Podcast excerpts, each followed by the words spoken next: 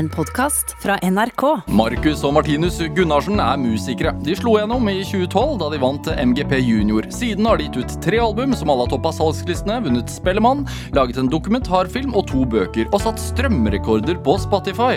Det siste året har de gjort suksess i Sverige, med andreplass i Melodifestivalen og seier i Maskorama. Dette er Drivkraft med Vegard Larsen i NRK P2. Markus og Martinus Gunnarsen, Gunnarsen. velkommen til Drivkraft. Tusen takk. Tusen takk. Hvordan har dere det? Har det bra. Det Ja. Det sover godt. Klar for en eh, ny dag. Godt, men kort. Godt, men kort. Var Ja. oppe tidlig. Reist fra Stockholm. Men uh, det her blir bra, tror jeg. Er det? Eh, Stockholm, er det hjemme nå, eller hvordan funker det der? Vi er faktisk der mer enn vi er hjemme, så Men- det er jo nesten sånn eh, second home eh, place. Ja, men vi bor faktisk fortsatt i gode Norge. Men det er vanskelig å komme seg unna Norge, ja. Men, men hvor mye av året er dere i Stockholm? Oi. Det, det er vanskelig å si. Vi, vi bruker jo ligge på ca. 200 reisedager i året, så da blir man mye mer borte enn man er hjemme, i hvert fall. Ja, hvorfor er Stockholm et godt sted å ha base, da? Eh, vi bytta jo etter eh, pandemien eh, var over. Det var en plass vi så etter før eh, korona også var, eh, men fikk ikke gjort noe spesielt av det, for vi var jo under et annet plateselskap. Vi var jo signert her i Norge, blant annet, og sånn. Men etter korona så bytta jo vi. Eh, vi ble signert av Universal Music Sverige, eh, PR-byrå i Sverige, musikkmanagement, alt sammen. For det er vel Det er jo musikkhovedstaden i Skandinavia, da. Em, og det er jo en fin plass for oss å da nå ut til flere lender. Så en strategisk avgjørelse, rett og slett, å, å være der. Ja, men vi trives jo der eh, veldig med folk kan vi jobbe med. Utrolig mange dyktige og fine folk som vi har kjent veldig lenge og siden før pandemien, som vi har trivdes med. Så det var en fin eh, vending da, etter eh, pandemien. Men bor dere på hotell, eller har dere Vi, hvordan? vi, vi bruker som regel eh, bo på Airbnb. Og hvis vi sier noen svenske ord i dag, så er vi veldig lei oss for det. For det er sånn der, når man er i Sverige, så snakker man svorsk. Så sånn, du bruker mange svenske ord som at de forstår det. Og så, eh, når man liksom kommer hjem igjen, så er det fortsatt at du bruker noen av de ordene liksom, uten at du tenker på det, fordi du er så lenge i Sverige. Så hvis vi bruker noen ord, så er Vi burde greie å holde oss ja, unna vi, vi holder oss. Ja. Det går bra. Vi hadde svenske Silvana Imam her i går. Da var samtalen på rent svensk, så Ja.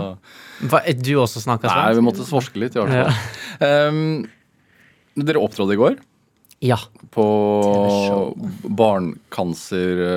Mm, korrekt. Riktig. som er Ja, samle inn penger til eh, å ja, prøve å kurere kreften. Ja. Eh, Men samtidig så er det et humorprogram, så de delte ut også priser til eh, Ja. Ja, forskjellig forskjellige humorprogram. Mm, Så det var en liten blanding, egentlig. en sånn innsamlingsaksjon da, eh, Ja.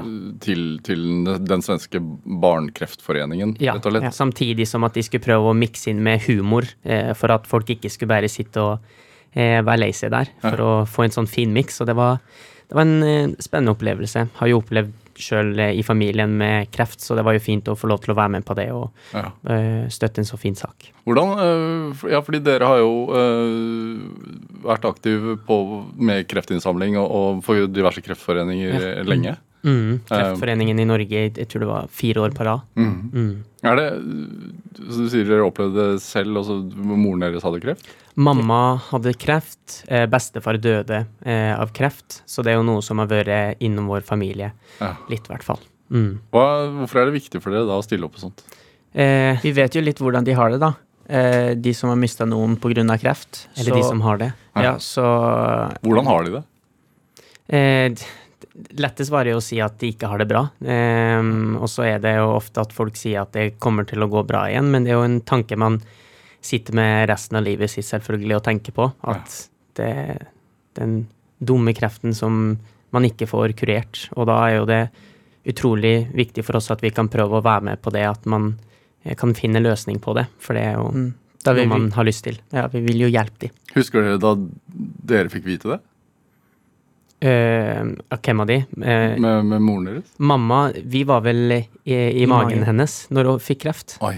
Føflekkreft, bare. Mm. Ja. Men fortsatt. Så det var vel uh, Ja. Det var ikke noe vi husker stort Nei. av, egentlig. Mm. Men det har vært en del av eh, Altså det- en alvorlig tematikk som har vært en del av Ja, vi er jo nøye med det, Samtalen. med det sjøl òg, for det, hvis det har vært en del i, gjennom familien, så er jo det plutselig mulig at vi også kan få det. Men eh, ja, ny, det som var mest nylig, det var jo bestefar eh, som døde for noen år siden. Mm. Men eh, ja, sånn er det. Mm. Livet er ikke rettferdig.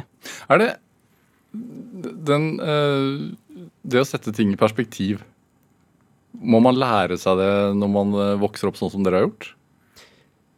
Ja, altså man kan jo si eh, Vi har jo lært mye mens, mens vi har levd. Mm. Eh, livet vårt eh, har jo vært ganske annerledes i forhold til mange andre eh, ungdommer eh, og barn. Ja. Ja, eh, så man har jo lært mye mens man har ja, levd. Man Eh, vokser opp veldig fort eh, i denne bransjen, og vi begynte jo veldig tidlig.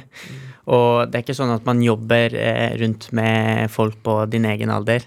Så man vokser jo opp veldig fort og blir eh, en voksen person i denne karrieren og lærer mye, eh, jobber mye. På hvilken måte føler du at du har vokst opp fort?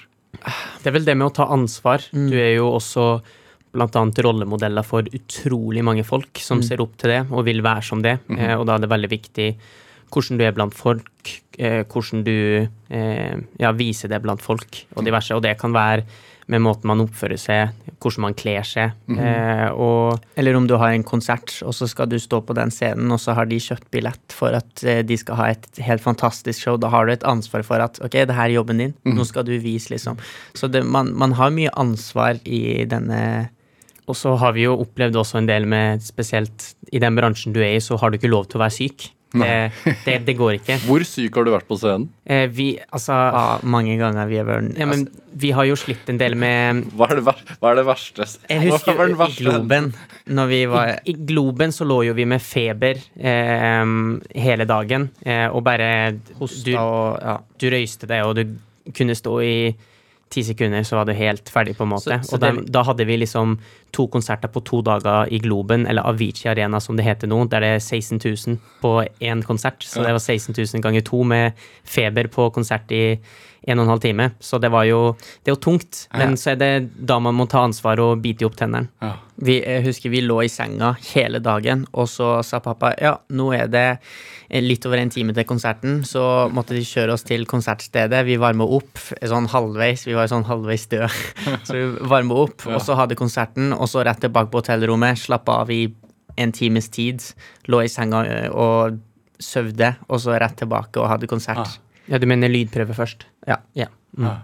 Er faren deres mest øh, far eller manager da? Han er far. Han er det uansett. Selv da? Ja, han er det. Han, han tenker på alltid det som er best for oss. Selvfølgelig, det beste for oss der er å ikke gjøre konserten, eh, men noen gang så er det liksom en del av eh, livet det når du er i den bransjen at du må Da er det bare å bite opp tennene og prøve å fullføre. Mm. Ja. Er det lystbetont da?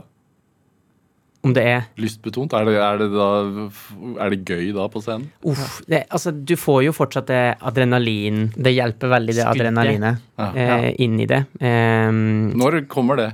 det kommer når du står på scenen. Ja, med en gang. Ja. Det er sånn det skytes inn. Altså, det er sånn du Hvis du er sliten, eller om du ikke har så lyst fordi du har veldig hjemmelengsel, og så med en gang du kommer på scenen, og alle de eh, folka eller fansen som bare er der og skriker eller synger med på sangen, så, Ja. så er det fantastisk å være på scenen. Det, det er én fot på scenen, og så kommer det.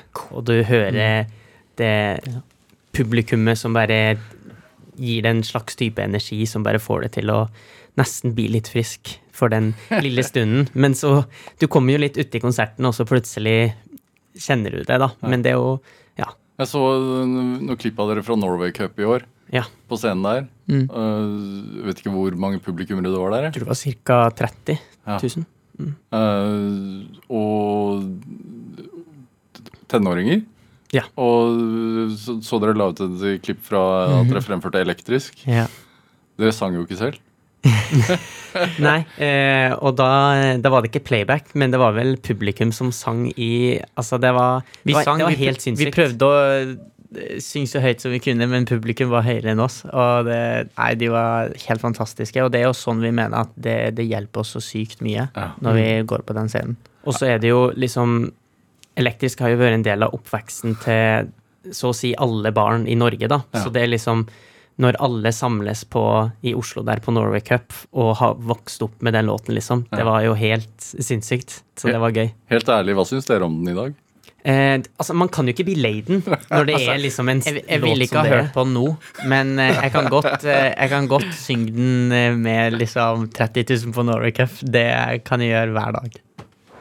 Dette er Drivkraft med Vegard Larsen i NRK P2. Og i dag er eh, musikerne Markus og Martinus eh, Gunnarsen her hos meg i Drivkraft eh, på NRK P2. Altså, Dere sier jo dere bor mye i Stockholm nå, men, men hjemme, hvor er det? Det er Lille Trofors ved siden av Mosjøen. Dere skal dit seinere i dag. Dit skal vi senere i dag. Vi skal på fotballtrening i kveld. I hvert fall prøve å rekke den. Hva er, det her, hva er, hva er dette her for noe? Dere, for dere spiller jo aktiv fotball. Ja, eh, vi gjør det. Pappa har jo spilt mye fotball når han også var yngre, så vi har jo tatt det med, tatt det med videre i vårt blod, kan man si. Ja. Eh, og det var jo alltid det vi ville bli når vi var mindre. Og det er bare noe man ikke har helt gitt slipp på, da. Eh, så nå Når begynte dere?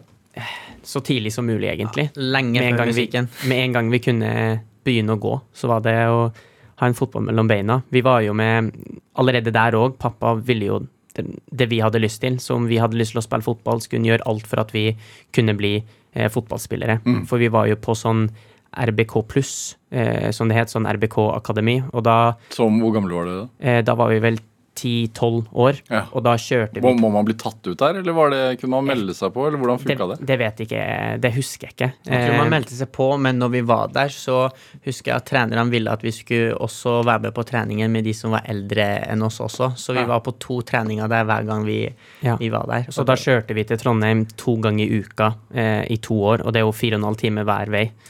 Eh, så det, der var pappa også stilt opp for at vi skulle få eh, drømmen vår til å gå i oppfyllelse. Hva, hva heter klubben i Trofors? Eh, nei, det er Mosjøen, da. Altså, dere- Byen ved siden av. Dere begynte, spilte i Mosjøen som barn også? Nei, Grane. Grane. Det var Grane Trofors. kommune, det der Trofors ligger, ja. Ja. Mm.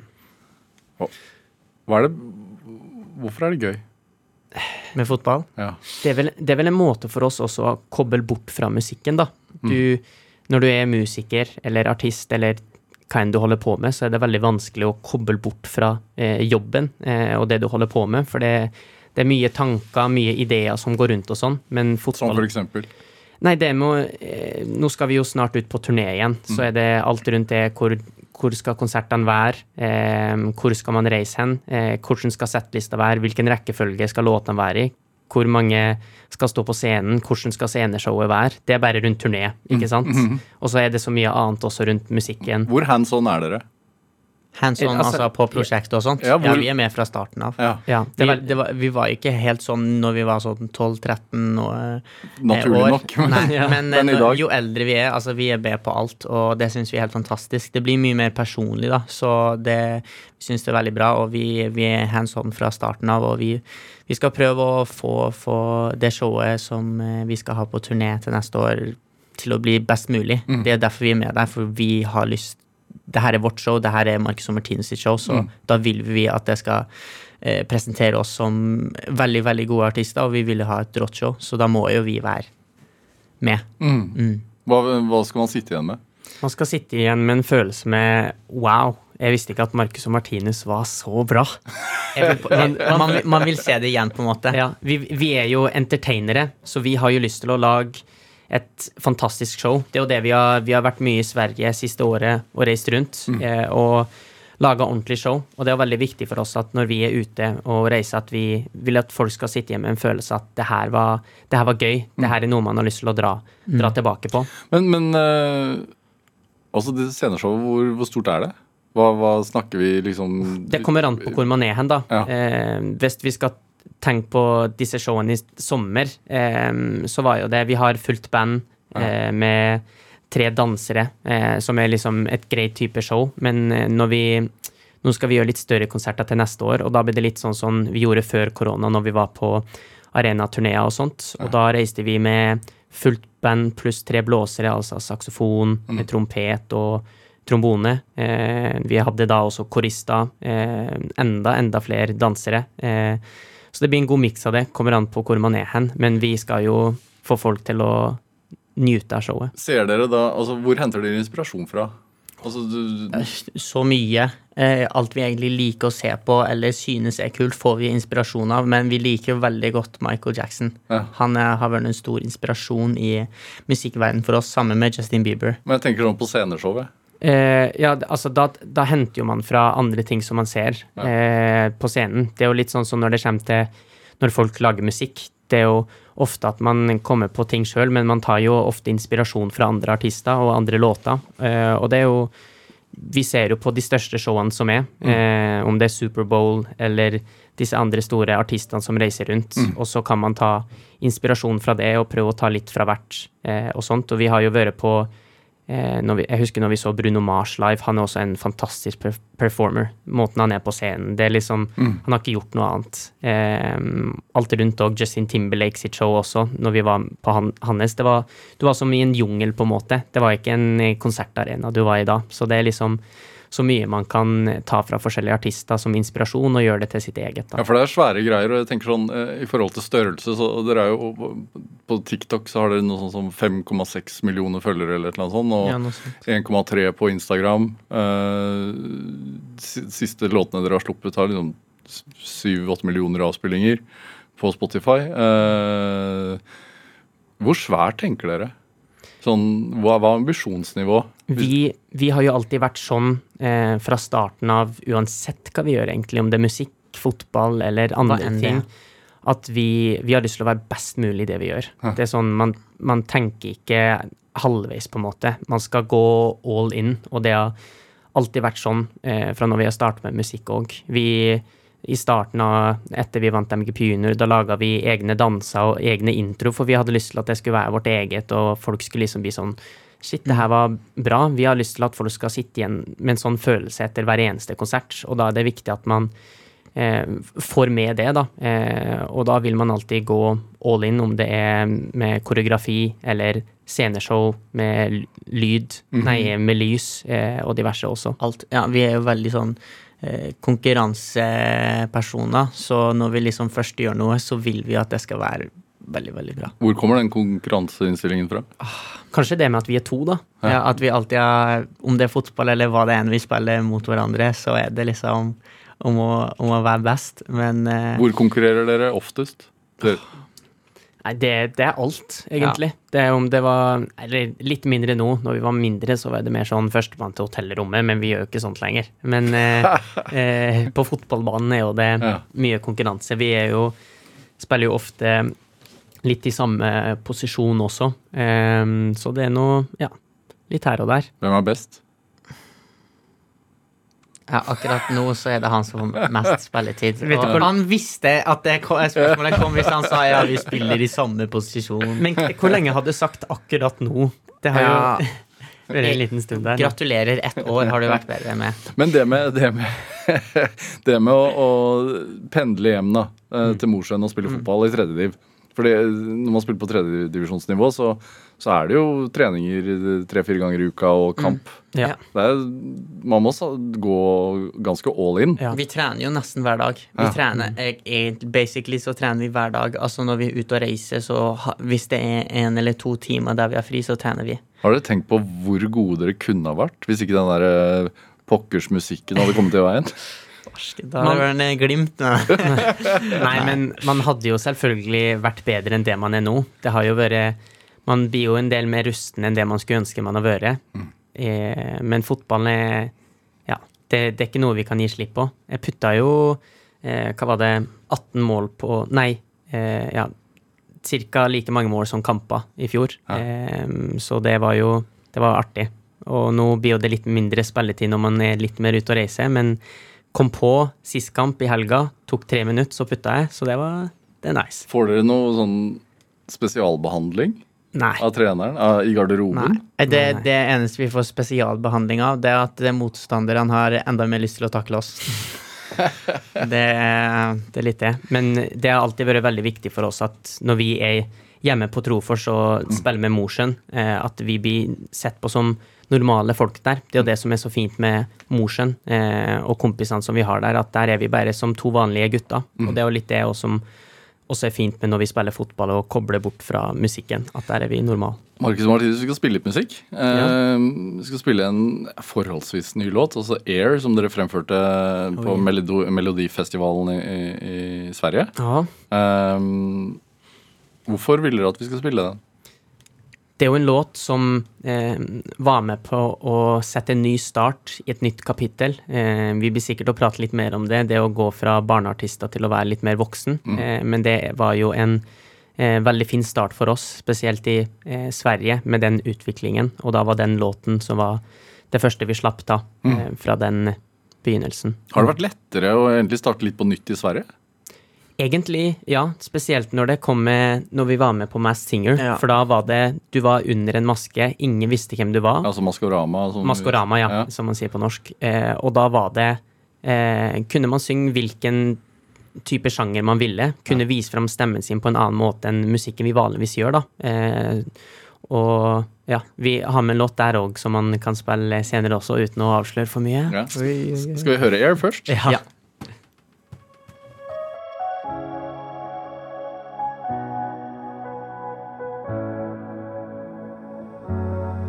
You're just like the ocean. I've got a million emotions. I'm breathing on the water. Your love is deeper than other. We go higher and higher, keep fire and fire. We crash and we burn, we keep trying.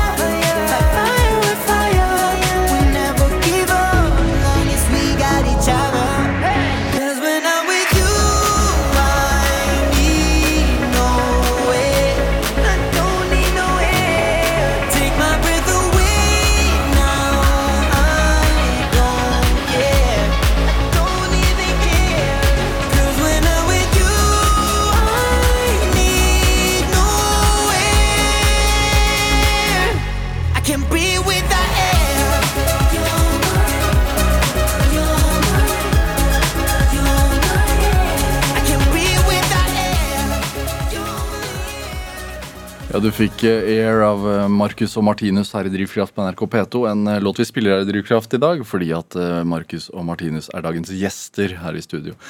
Det er jo Altså, merkevaren Marcus og Martinus, den ble jo bygd altså, Er jo blitt bygget siden 2012.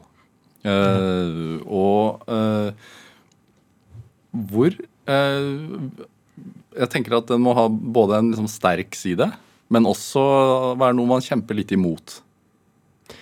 Ja. Føler dere litt det samme? Ik ikke direkte kjempe imot, men eh, spesielt i Norge, da, så Ja. har det vært litt at jeg, man har ikke lyst til å bli sett på som barneartister lenger, da. Nei. Så uten å kjempe direkte imot det, så er det prøve å bare holde oss litt litt, bort. holde oss litt unna det, egentlig. Men det er jo vanskelig når man har en låt som elektrisk, som man blir ofte kjent igjen for eh, fra sin unge alder, å gå videre eh, fra den. Eh, Man møter jo ofte folk på Når man er ute og går, og så bare blir de så overraska. Bare sånn Shit, dere er jo gamle nå. Jeg bare Ja, det er jo sånn ti år siden elektrisk. Det er ikke, det er ikke forrige uke eller noe sånt. Så de blir jo veldig overraska, og de glemmer jo helt av at oi, shit, vi er vi er like gamle som da. Ja. Har, har dere vurdert eh, navnbytte noen gang? Ja, til Martinus og Markus. Nei da. Eh, føler ikke det er det som må til. Eh, det er bare det med mm, musikken man slipper, og hva man er med på eh, og gjør for noe også, for å vise at man har eh, blitt eldre, da. Eh, vi har jo Ja, hva slags, hva slags type musikk man slipper. Eh, før var jo det, når vi var yngre, at man skrev jo ikke så mye av musikken man gjorde sjøl. Vi hadde jo ikke så mye å fortelle folket av det vi hadde opplevd når vi var så unge, men nå er jo vi blitt 21, og vi har, selv om det er forskjellige ting som folk ikke har gjort som vi har gjort, så kan man relatere til disse tingene på en forskjellig måte. Eh, om det er noen man savner, eller noe man, noen man har mista, eller hva det kan være. Eh, så det er liksom lettere for oss nå. Eh, og så er det mye artigere for oss når vi får vært med fra scratch, når man lager musikk. Det er jo en, du er mye mer stolt over musikken som slippes da, at det her har jeg faktisk vært med og gjort, liksom. Og sammen med Air, som vi spilte nå, som har gått eh, platina i eh, Sverige, og så er man med på liksom det, da. Det, det er veldig stort for oss. Det, er jo, det er jo jobben vår, og det viser jo at man har gjort jobben sin rett. Så For- det ja. er jo på videre. Ja, for er det det er en fordel der at de kanskje ikke så eh, MGP Junior og fikk med seg den der eh, bølgen som kom etter det?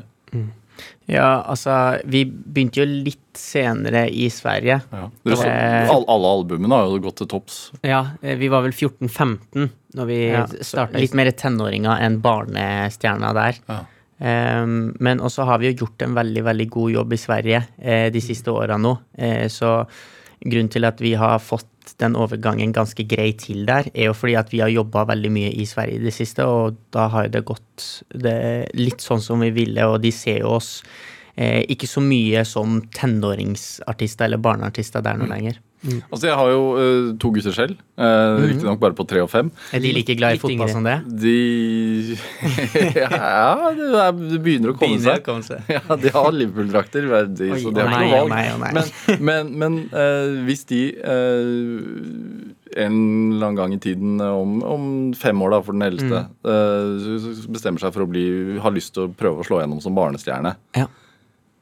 Hvilke råd, hva, hva, hva kan de forvente seg, tror dere? Hvor, gang, hvor gammel er han om fem, Fem år? år. Ja. Da blir han ti. Ja, han, han var fem. Ja. Og det er jo like Oi. gammel som når vi vant MGP Junior. Hva kan man forvente seg? Hvordan forandrer verden seg? Eh, I starten og sånn, eh, så var det bare mest gøy, selvfølgelig. Man tenkte jo ikke på alt arbeidet som kom med det og sånt. Man bare Men gjør det. det var eh, en utrolig gøy opplevelse. Du fikk jo så utrolig mye mer oppmerksom rundt det enn det, du, det man hadde fra før av, ikke sant? Man hadde jo ikke Men likte, dere likte oppmerksomhet fra ut, ja, Ja, Ja, det var kjempegøy å plutselig få oppmerksomhet. eh, Den oppmerksomheten man ikke har hatt før, liksom. Det var jo kjempegøy, og man følte jo at man plutselig var kjendis. Og det, det er jo utrolig artig, den starten der. Altså, det, er jo, det er jo den starten Det er jo fra person til person hvordan de føler om det.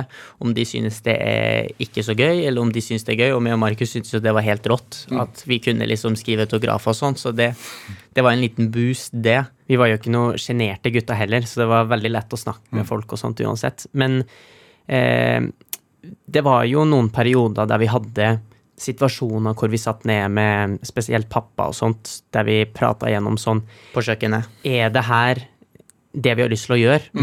For om det er det, så Vi hadde jo skole i tillegg, ikke sant? Det er jo ikke sånn at man legger skolen til sida. Vi har fullført eh, videregående og alt. Eh, og da satt man der og tenkte liksom Hvis dere faktisk virkelig har lyst til å gjøre det her nå, så må vi faktisk Da er det ting som må prioriteres bort. Eh, som man ikke får gjort like mye av. Som for eksempel? familie. Ja. Eller eh, vår, eh, vår søs, eh, lillesøster, storesøster Emma, eh, og mamma, som man ikke får sett så mye av. Fordi at man kommer til å reise utrolig mye, eh, og da blir det utrolig mye jobbing og reising som man ikke kanskje har sett for seg. Eh, og vi Skjønte dere alvoret? Eh, ikke helt, egentlig. For det var jo det var mest gøy, men så begynte jo den eh, hjemlengselen å komme litt oftere enn det man hadde tenkt når man var mye ute og reiste på den unge alderen. Hva Eh, savnet dere da?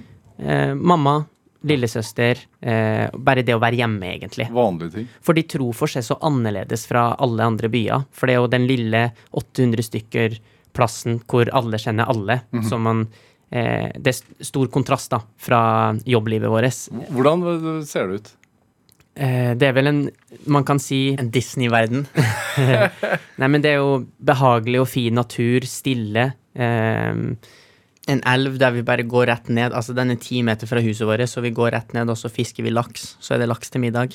Det er, ikke, det er ikke tull engang. Så det er jo liksom et lite paradis der det er superstille og koselig, og vi eh, seriøst bare lader opp batteriene der når vi er sliten, og så er det rett ut og reise igjen. Hvordan ligger huset?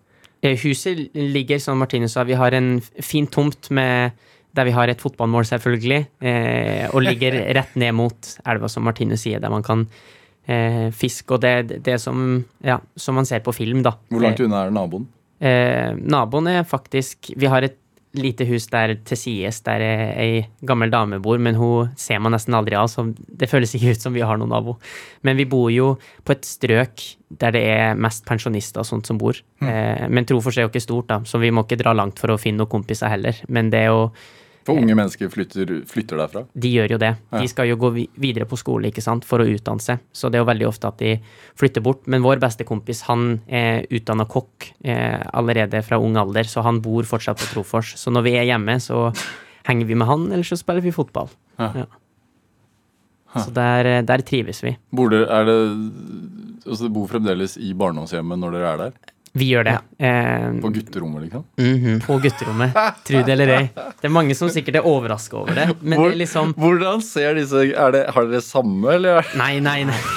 Men vi har vegg til rom vegg, lillesøster, Vi, vi liksom. har vegg til vegg, da. Det, det har vi. Men- Men, vi har eh, Det er jo litt sånn når man er Hvordan ser gutterommet ut i dag? Ja, kom Markus. Det er ganske Før så hadde jeg liksom over 100 United-plakater på rommet. Han telte men alle er- plakatene sine. Jeg tror han hadde 119 eller noe sånt. På grunn av resultatene de siste årene, så er alle borte? Ja, tok er én for hvert dårlig resultat. Nei.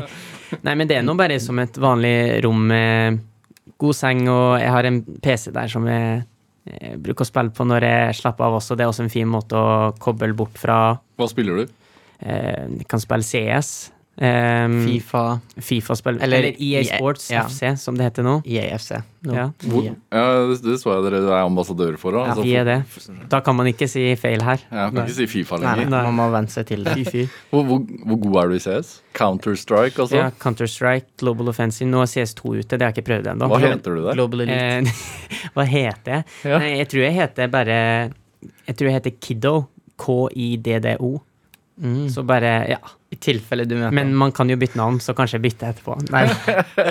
Nei, men jeg lå jo på en rank sånn Master Guardian, Master Guardian Elite, bare sånn midt på der. Ja. Har du spilt det, siden du spurte? Jeg har, jeg har spilt litt, men jeg, har Ja, ikke ja. noe, jeg, ikke. jeg vet hva det er. Ja, jeg har nok tatt det. Ja, det tror jeg. Ja.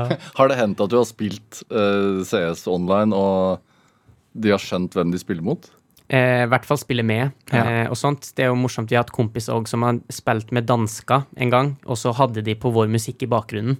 Eh, og så hadde de sagt at de kjente oss, selvfølgelig, men det var artig. Men jeg har jo møtt Jeg har spilt online, og så møtte jeg faktisk på en av de største CS-spillerne som er, på en sånn random match hvor vi teama opp to mot to. Og så sa jeg til han sånn derre Shit, jeg er stor fan, men jeg har faktisk flere følgere enn det på Instagram.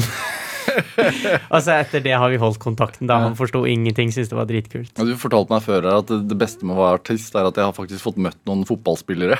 Ja, prate med dem på sosiale medier. Det eneste måten. De vet du. svarer jo faktisk. Vi blir jo like overraska hver gang. Ja. Men, men sånn jeg leser det da, så er det sånn jeg, Dere fortalte at dere har måttet blitt voksne fortere. Ja. Men samtidig så eh, En del av dere er jo holder litt på den Ja, Alle de tenåringsgreiene, selv om dere er blitt voksne. Alle har jo en liten sånn barndom inni seg som man alltid holder fast på. Det tror jeg du også har. På, uh, har. Jeg tror alle har det. Hva er din, Martinus? Hva er det du holder fast på når du er hjemme? Når, hva er det du tenker på? Nei, det er vel eh, Fotball har jo Det er sikkert du òg. Fotball det er jo noe man har eh, elska siden man var liten. Så ja, det, det- at, det at det er en sånn blod-Chelsea-fan, det er jo litt sånn Men gjør du det seriøst, hører jeg? Og det er bare Ja, det er det jeg liksom syns er helt fantastisk, liksom. Det er jo ikke det som er direkte sånn Det som er det ungdomslige med det. Hvis man tenker på ja. hva du liker å spille, for eksempel. Hva da? Si det, da. Minecraft. ja. Jeg syns det er litt artig. ja. Og det syns Markus òg. Ikke begynne å ta Ja ting på meg. Nei, nei, jeg skulle bare gi det liksom noen tips fra annet enn Ah, ja, eh, fotball. Men ja, om det er spill eller om det er fotball, så er det hvis det er noe som bringer meg litt tilbake, så er jo det koselig. Ja. Men det, det er jo også en, en ting dere deler med veldig mange uh, store fotballprofiler. da. At de har en jobb og, og tjener godt med penger og frem, altså spiller foran et stort publikum. Og så gamer de når de er fri. Ja. Det, det, men det er jo en sånn plass hvor man går bort fra den virkelige verden og får bare kobla av igjen, da. Det kan hende at det hjelper de veldig mye. Mm. Du så, jeg så han Haaland la ut en Instagram-post der han spilte Minecraft med sine kompiser. Så det er, jo ikke, det er jo ikke så dumt. Kanskje man liksom trenger en liten avkobling av og til. At man eh, slipper å tenke på ting som er så viktig. At man kommer seg litt bort fra de, og da f.eks. kanskje noe spill hjelper da, eh, for å få hodet litt bort fra det av og til. Det, altså, dere har jo eh, vært artister i elleve år, Ja. eh, som jo er ganske lenge. Altså- Før sønnene dine ble født. Ja. eh, hvis, hvis, man, hvis, man slår, altså hvis man slår gjennom som artist sånn i, i begynnelsen av 20-årene, og når man da har tippa 30, Ja. par og 30 år, så har man jo holdt på i 11 år. Og da går man jo gjennom en sånn vurdering sånn OK, skal jeg fortsette eller ikke? Ja. Eh, har dere gjort det? Tenkt sånn ja, Faktisk ikke. Skal vi investere i eiendom i stedet? Og Vi gjør litt av det allerede. Ja. I en, altså, det beste man kan investere i, er jo leiligheter og diverse nå. Spesielt i Oslo og generelt i Norge. Så det gjør man. Men det er jo, som du sier, vi, vi er fortsatt unge. Vi har så mye mer vi fortsatt har lyst til å oppleve. Selv om du har ramsa opp utrolig mye som vi faktisk har fått gjort allerede, Ja. så føler vi oss ikke ferdig i nærheten. Og jeg tror Blir det som en sånn uh, uh, før og etter? Altså sånn uh, Ja. før og etter stemmeskiftet, på et vis. Altså sånn, uh, alt vi opplevde da vi var uh, barn og ungdommer, er en del av karrieren. Nå begynner litt på nytt og vil oppleve nye ting. Og mange som tror at eh, hvis man starter før man går i stemmeskiftet, så tar man et eh, da kan, det- kan være risky, for plutselig synger man ikke like bra etterpå. Men det er jo eh, sant òg. Ja. Det gikk jo bra gikk, for oss. eh, vil jeg si. Eh, sånn sett. Vi har jo fortsatt synger samme låtene, og det går bra sånn sett. Men eh, Vi jobba jo ekstremt mye rundt den fasen for Ja. at stemmen vår skulle holde. For Mm. hvis eh, stemmen vår ikke har holdt, da hadde det heller vært rapp. Nei. nei, men vært mye vokaltrening Ja, med forskjellige mye. coaches. Så det har vært viktig for oss, både fra USA og Norge og Sverige. Overalt har vi Så det er utrolig mye jobb man gjør egentlig utenfor konsertene òg, som kanskje folk ikke tenker på. Folk tenker at ok, da drar de tilbake og slapper av og bare chiller, gjør hva de vil. Men da hadde det enten vært skole eller vokal, eh, musikktrening, instrumenttrening, eh, fotball.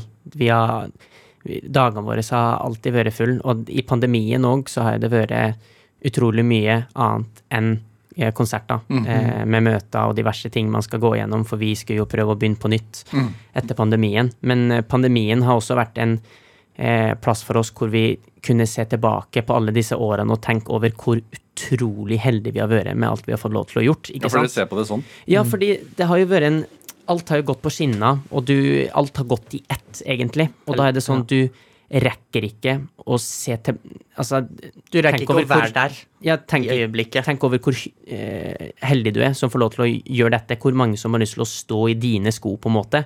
Så det har vært veldig viktig for oss sånn sett da i etterkant, når vi har starta på igjen, at vi skal gi 110% for å komme tilbake til der vi var, der vi reiste rundt på to europeiske turneer i løpet av et år. Sik sikkert mange som hører på som tenker her holdt de på ute i Europa, men vi før eh, pandemien kom, så var vi i Shanghai og reiste og hadde konserter. Og vi reiste 90 utenfor Norge fra 2017-18. Eh, så da hadde det vært mye utover østover. Har det vært øyeblikk der dere har måttet uh, backe opp hverandre? Altså sånn hvorfor man gjør som man gjør? Nei, altså det, det har jo vært øyeblikk der f.eks. den ene er sliten, så må den andre jobbe litt ekstra, f.eks. på dager der man er veldig sliten. Hva sier man da? da, man sier ikke noe, egentlig, han merker det. Eh, Skjerp deg! Skjerp deg, nå er vi på jobb. Ja. Du, du er på jobb. Nei, men eh, det er f.eks. eh, periode der for eksempel vi har vært på turné da i to måneder i strekk og har ingen fridager. Og da blir den ene litt sliten, og da kan andre ta litt over, og så kan det være andre dager der den, den andre hjelper. Når vi reiste på turné med den amerikanske artisten Jason, Jason Derulo, eh, så hadde vi da, som Martine sa, vi reiste i to og en halv måned, og så fikk vi to fridager. Mm. Resten så var det enten Ja, det, det, var, det var fullt kjør. Og det Nå er det fire-fem Nei, når, hvor mange år siden er det? 2018. 2018, ja, ikke sant? Så Det er fem det- år siden. Ja, um, og da var det veldig sånn Man tenker det å reise på turné, det er livet, liksom. Ja. Men det er Det er helt sinnssykt med arbeid. Jeg Men så en man- video der av Michael Jackson. Han skulle bli filma, og så skal han, eh, spurte han reporteren ja, hvordan er det å være på turné. Og han sier, da sa han liksom det er helt forferdelig. og så da eh, sa han eh, reporteren ja, men vi må ha et bra svar, for det er til en dokumentarfilm, eller hva det var. Så du må heller si det er bra. Og han bare ja, men det er ikke bra. Det, når man er på turné, så er det forferdelig. Men vi, Eller- vi trives. Vi trives, må men man, du- nei, men det, poenget mitt er at det å være på turné, det, er veldig, det kan være veldig stressig, og folk tror at det er livet. Der kom et svensk ord. Stressig. Ja. Eh, men folk tror at det er helt fantastisk, og det er det, men det er også veldig slitsomt. Mm. Det er ikke at man sover og bare gjør det man vil på turné. Det er faktisk eh, tungt. Når var det dere begynte å tenke på det som jobb? Jeg vil vel fortsatt ikke altså Selvfølgelig har det alltid vært jobb, men jeg har aldri tenkt på det direkte sånn, fordi at det har vært du, er, du lever liksom en drøm, da. Jeg kan, jeg kan noen gang tenke på hvis jeg er sliten øh, og bare åh, nå er jeg litt sånn lei fordi jeg enten savner hjemmet, så tenker jeg noen ganger sånn Men det her er jobben din. Du, du må ta det seriøst og ikke gjøre ditten datten. Fordi det her, det her lever du av. Det her er jobben din, så da må du, da må du være på. Hvem har lært av det? Eh, pappa. Det med eh, ivrige og, og støttende fedre. Det, hvis man ser på eh, unge norske menn nå som gjør det bra i idrett, f.eks., eksempel også Haaland, Ødegaard, eh, Ruud, eh, så har jo alle de fedre som har backet opp veldig. Og vært med hele veien. Han pappa han sitter rett utafor Ja. Faren deres sitter utenfor studio. Like før han bryter seg inn, vet du. Han er så på. Eh, hva, eh, hvor, har, hvor viktig har det vært for at dere sitter her i dag? Ja, hvis det ikke har vært for pappa, så har jo ikke vi sittet her i dag, tror jeg. Det har gått eh, en annen vei, tror jeg. Eh, så han har jo vært der Hvilken vei? Det vet jeg ikke. Nei. Fotballveien? Nei, det vet jeg ikke. Men han eh, er vel en av de viktigste grunnene til at vi er i dag. Det Ja. kan man jo si. Han, Han- har, han har ikke mistet- på eh, og støtta oss gjennom alt det tunge og fått oss til å komme oss dit vi er i dag. Ja, han har ikke mista én dag uten oss. Han har vært på hver eneste konsert, er på hvert eneste intervju nesten, og han er der alltid. Og det er fordi at han vil det beste for oss. Det er ikke sånn at uh, han tenker som andre folk at her er det penger å tjene, bla, bla, bla. Han gjør det bare på grunn av oss. Så det er jo helt fantastisk å ha, kan ha en sånn person man, man jobber med. Har dere måttet overbevise han noen gang? Med tanke på Al- At dere skal fortsette å Nei, Nei, altså det, han, det, som er, det som er som regel, er egentlig at han heller spør oss sånn vil, er, vil dere fortsette her? Er det det her dere vil sette oss ned? Det her, er, det her året kommer til å bli tungt. Er dere sikre på at dere vil gjøre det og det?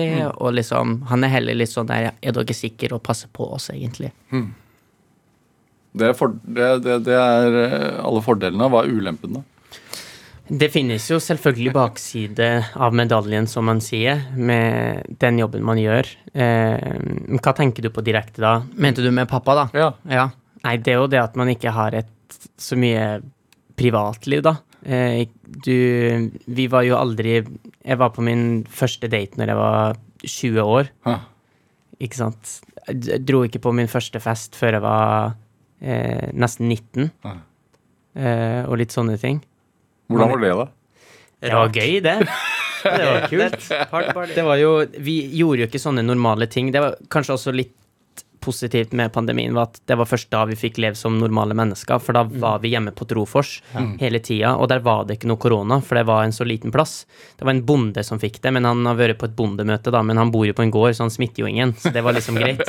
Var isolert fra før? Ja, han var det. Smitta en gris. Ja, nei, eh, men eh, Og da fikk man gjøre litt sånne ting. Og da var det plutselig litt mer fester sånn som man plutselig kunne være med på, for vi hadde jo venner der, faktisk. Så det var jo Ja, faktisk. Eh, så da fikk man gjøre litt sånne ting. Eh, men vi er jo eh, Ja. Nei, det var Det er gøy, det. Man fikk jo leve litt mer det normale livet, men da kunne man også Fikk tenkt ta igjen litt. ja, se tilbake på når man først lever det livet i en god stund pga. pandemien, at det var da jeg fikk tenke til meg sjøl liksom, hvor heldig jeg er med det jeg faktisk får lov til å gjøre utenfor dette normale livet. Så egentlig, så selv om det satte en stopper for planlagt turnévirksomhet og en slags sånn Uh, nystart av karrieren, så Ja. var det kanskje et heldig avbrekk også? Ja, man kan si det, men det var jo litt trist, fordi 2018 hadde vi to europeiske turneer, og 2019 var liksom vårt pauseår hvor vi skulle bytte plateselskap og diverse og sånt, og så skulle vi reise på vår første verdensturné i 2020.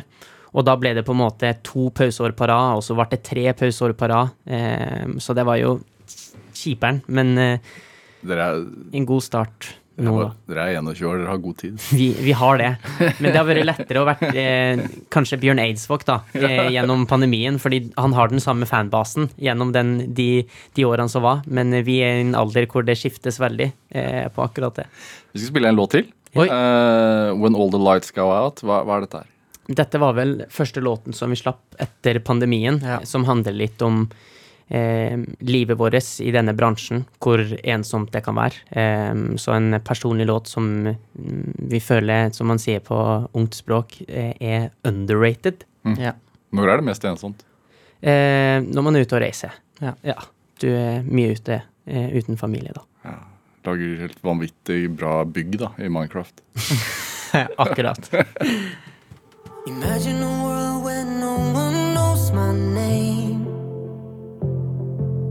Where I can be young and make my own mistakes. Sometimes I just wanna say I'm not okay. Imagine a world where no one knows my name. So why am I lonely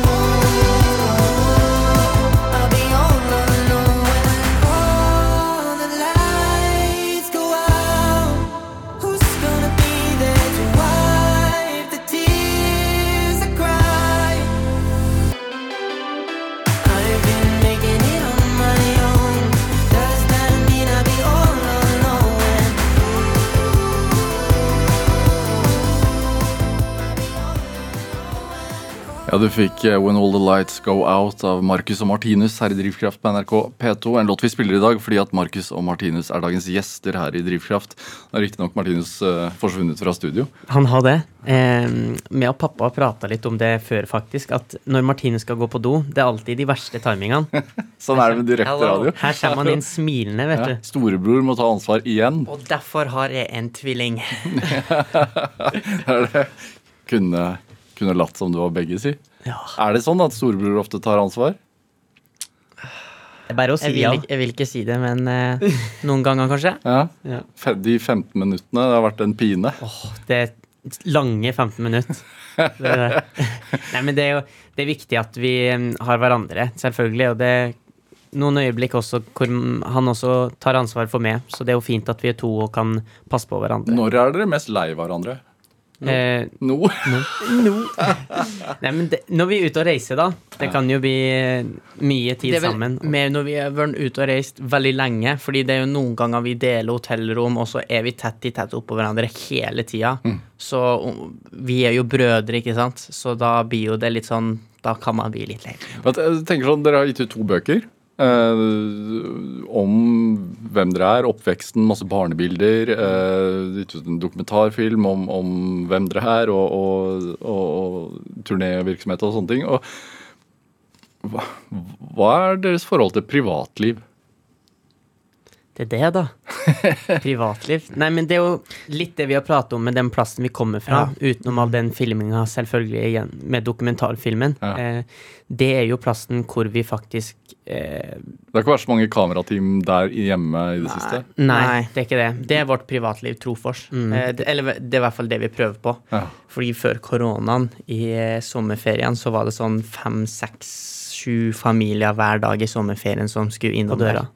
Så det var veldig mye. Så vi prøvde liksom Hjemme hos dere? Ja. Ja. Så vi prøvde liksom å si ifra liksom at nå holder det liksom Det her er det eneste stedet som er privatlivet vårt. Eller så kan vi ta bilde med hvem som helst, hvor som helst, liksom. Også barnefamilier som oppsøker Ja, ja. huset? Også, Ja, men ikke diverse bare det, men generelt folk rundt vår alder òg. Det kunne Ja. være jenter som hadde sagt det var, Eksempel var jo to jenter der de hadde sagt til mødrene sine at nei, jeg skal reise til ho, og så sa hun jeg skal reise til ho.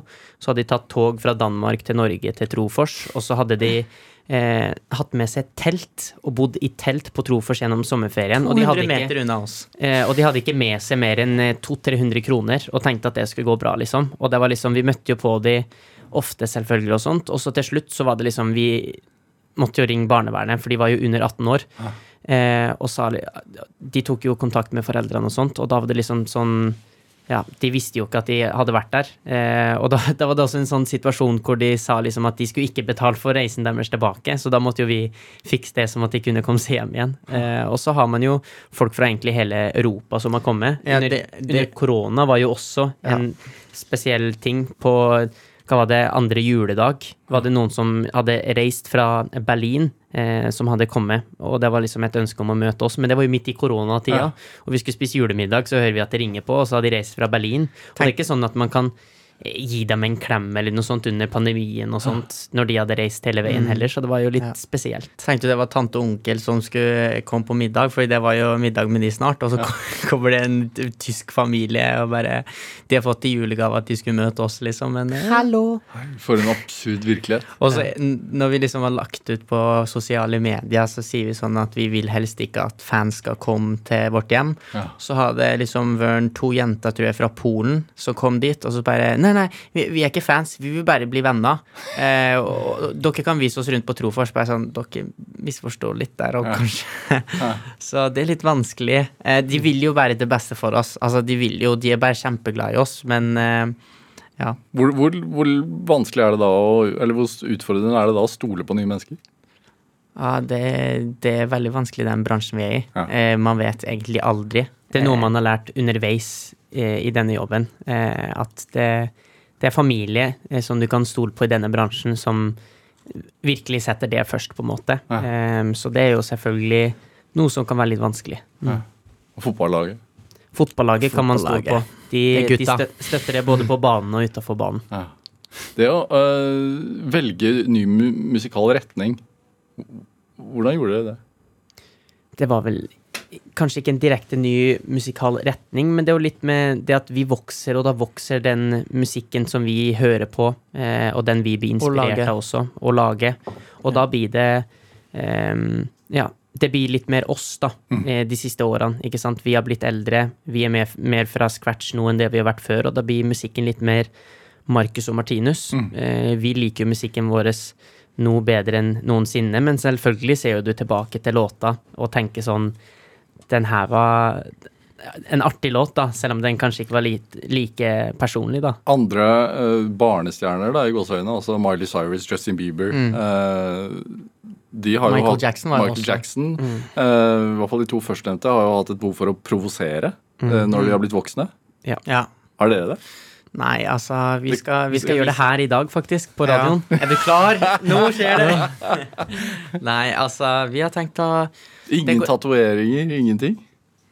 Martinus har en der, der det står 'take the risk'. Ja. Og det er det vi skal gjøre i dag når vi skal ødelegge stu... Nei. Nei, men altså, man slipper å, slipper å gjøre noe sånt for å bevise at man er noe. Vi, vi skal være oss sjøl hele tida, og om det er noen forandringer, så er det noe, sikkert noen forandringer som skjer underveis, men det er helt naturlig at det skjer. Men vi, vi tenker jo også sånn som Vi er jo rollemodeller, som jeg sa tidligere, til så utrolig mange. Så det at man må gjøre noe dumt for å vise at nå har vi blitt eldre, vi kan gjøre hva vi vil. Det, det, man trenger ikke å gjøre det. Eh, spesielt som rollemodeller. Så vi har lyst til å vise at vi kan være oss sjøl, vi kan vokse opp, bli eldre, men fortsatt gå videre til et nytt kapittel. Eh, og det håper vi jo at folk eh, godtar. Markus og Martinus Gunnarsen, hva, hva er drivkraften deres? Vi kan, kan, kan begynne med deg, Markus. Drivkraften min eh, det, Sjokolade. det et- Sjokolade. Nei, det er jo et utrolig stort spørsmål. Ja. Eh, jeg har et sånt mål inne med eh, at jeg har lyst til å være best i uansett hva jeg vil. Eh, og jeg konkurrerer alltid med meg sjøl. Beste versjonen av deg selv. Ja, vil alltid være den beste versjonen av meg sjøl. Eh, uansett hva jeg gjør. Eh, det er jo stort sett min drivkraft. Jeg har lyst til å vise at jeg kan være den beste personen av meg sjøl uansett hvor jeg er, eh, hvor, hvor gammel jeg er, og det skal jeg ta med meg videre. Hva med deg, Martinus? Altså, jeg tror kanskje at det at jeg er et skikkelig konkurransemenneske, skikkelig konkurranseinstinkt på alt jeg gjør, det er litt samme greie som Markus, så er jo det at eh, jeg vil være best mulig uansett hva jeg gjør, om det er musikk eller ikke, så, så vil jeg være best. Så kanskje det driver mye. Vi- er ganske like. der. Konkurranse der også. Markus og Martinus Gunnarsen, tusen takk for at dere kom til Drivkraft. Tusen takk. Hør flere samtaler i Drivkraft på nrk.no. Produsent i dag det var Melody Holst eh, Talebi, mens Ådne Feiring og Solveig Sørbø bidro med research til denne sendingen. Dette var Drivkraft. Jeg heter Vega Larsen. Vi høres. Du har hørt en podkast fra NRK. Hør alle episodene kun i appen NRK Radio. En podkast fra NRK. I 30 år så har jeg solgt sprit til alle samfunnslag. På begynnelsen av 2000-tallet dør flere helt friske nordmenn på uforklarlig vis. Og så ringer det på døra. Eh, og når jeg åpner der, så står det en prest utenfor. Felles for alle de døde er at de har drukket smuglersprit. Han var jo ikke syk i det hele tatt. Hvorfor er han død?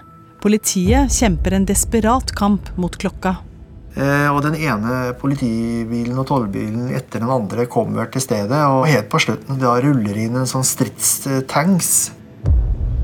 Hør Dødelig sprit, metanolsaken, i appen NRK Radio.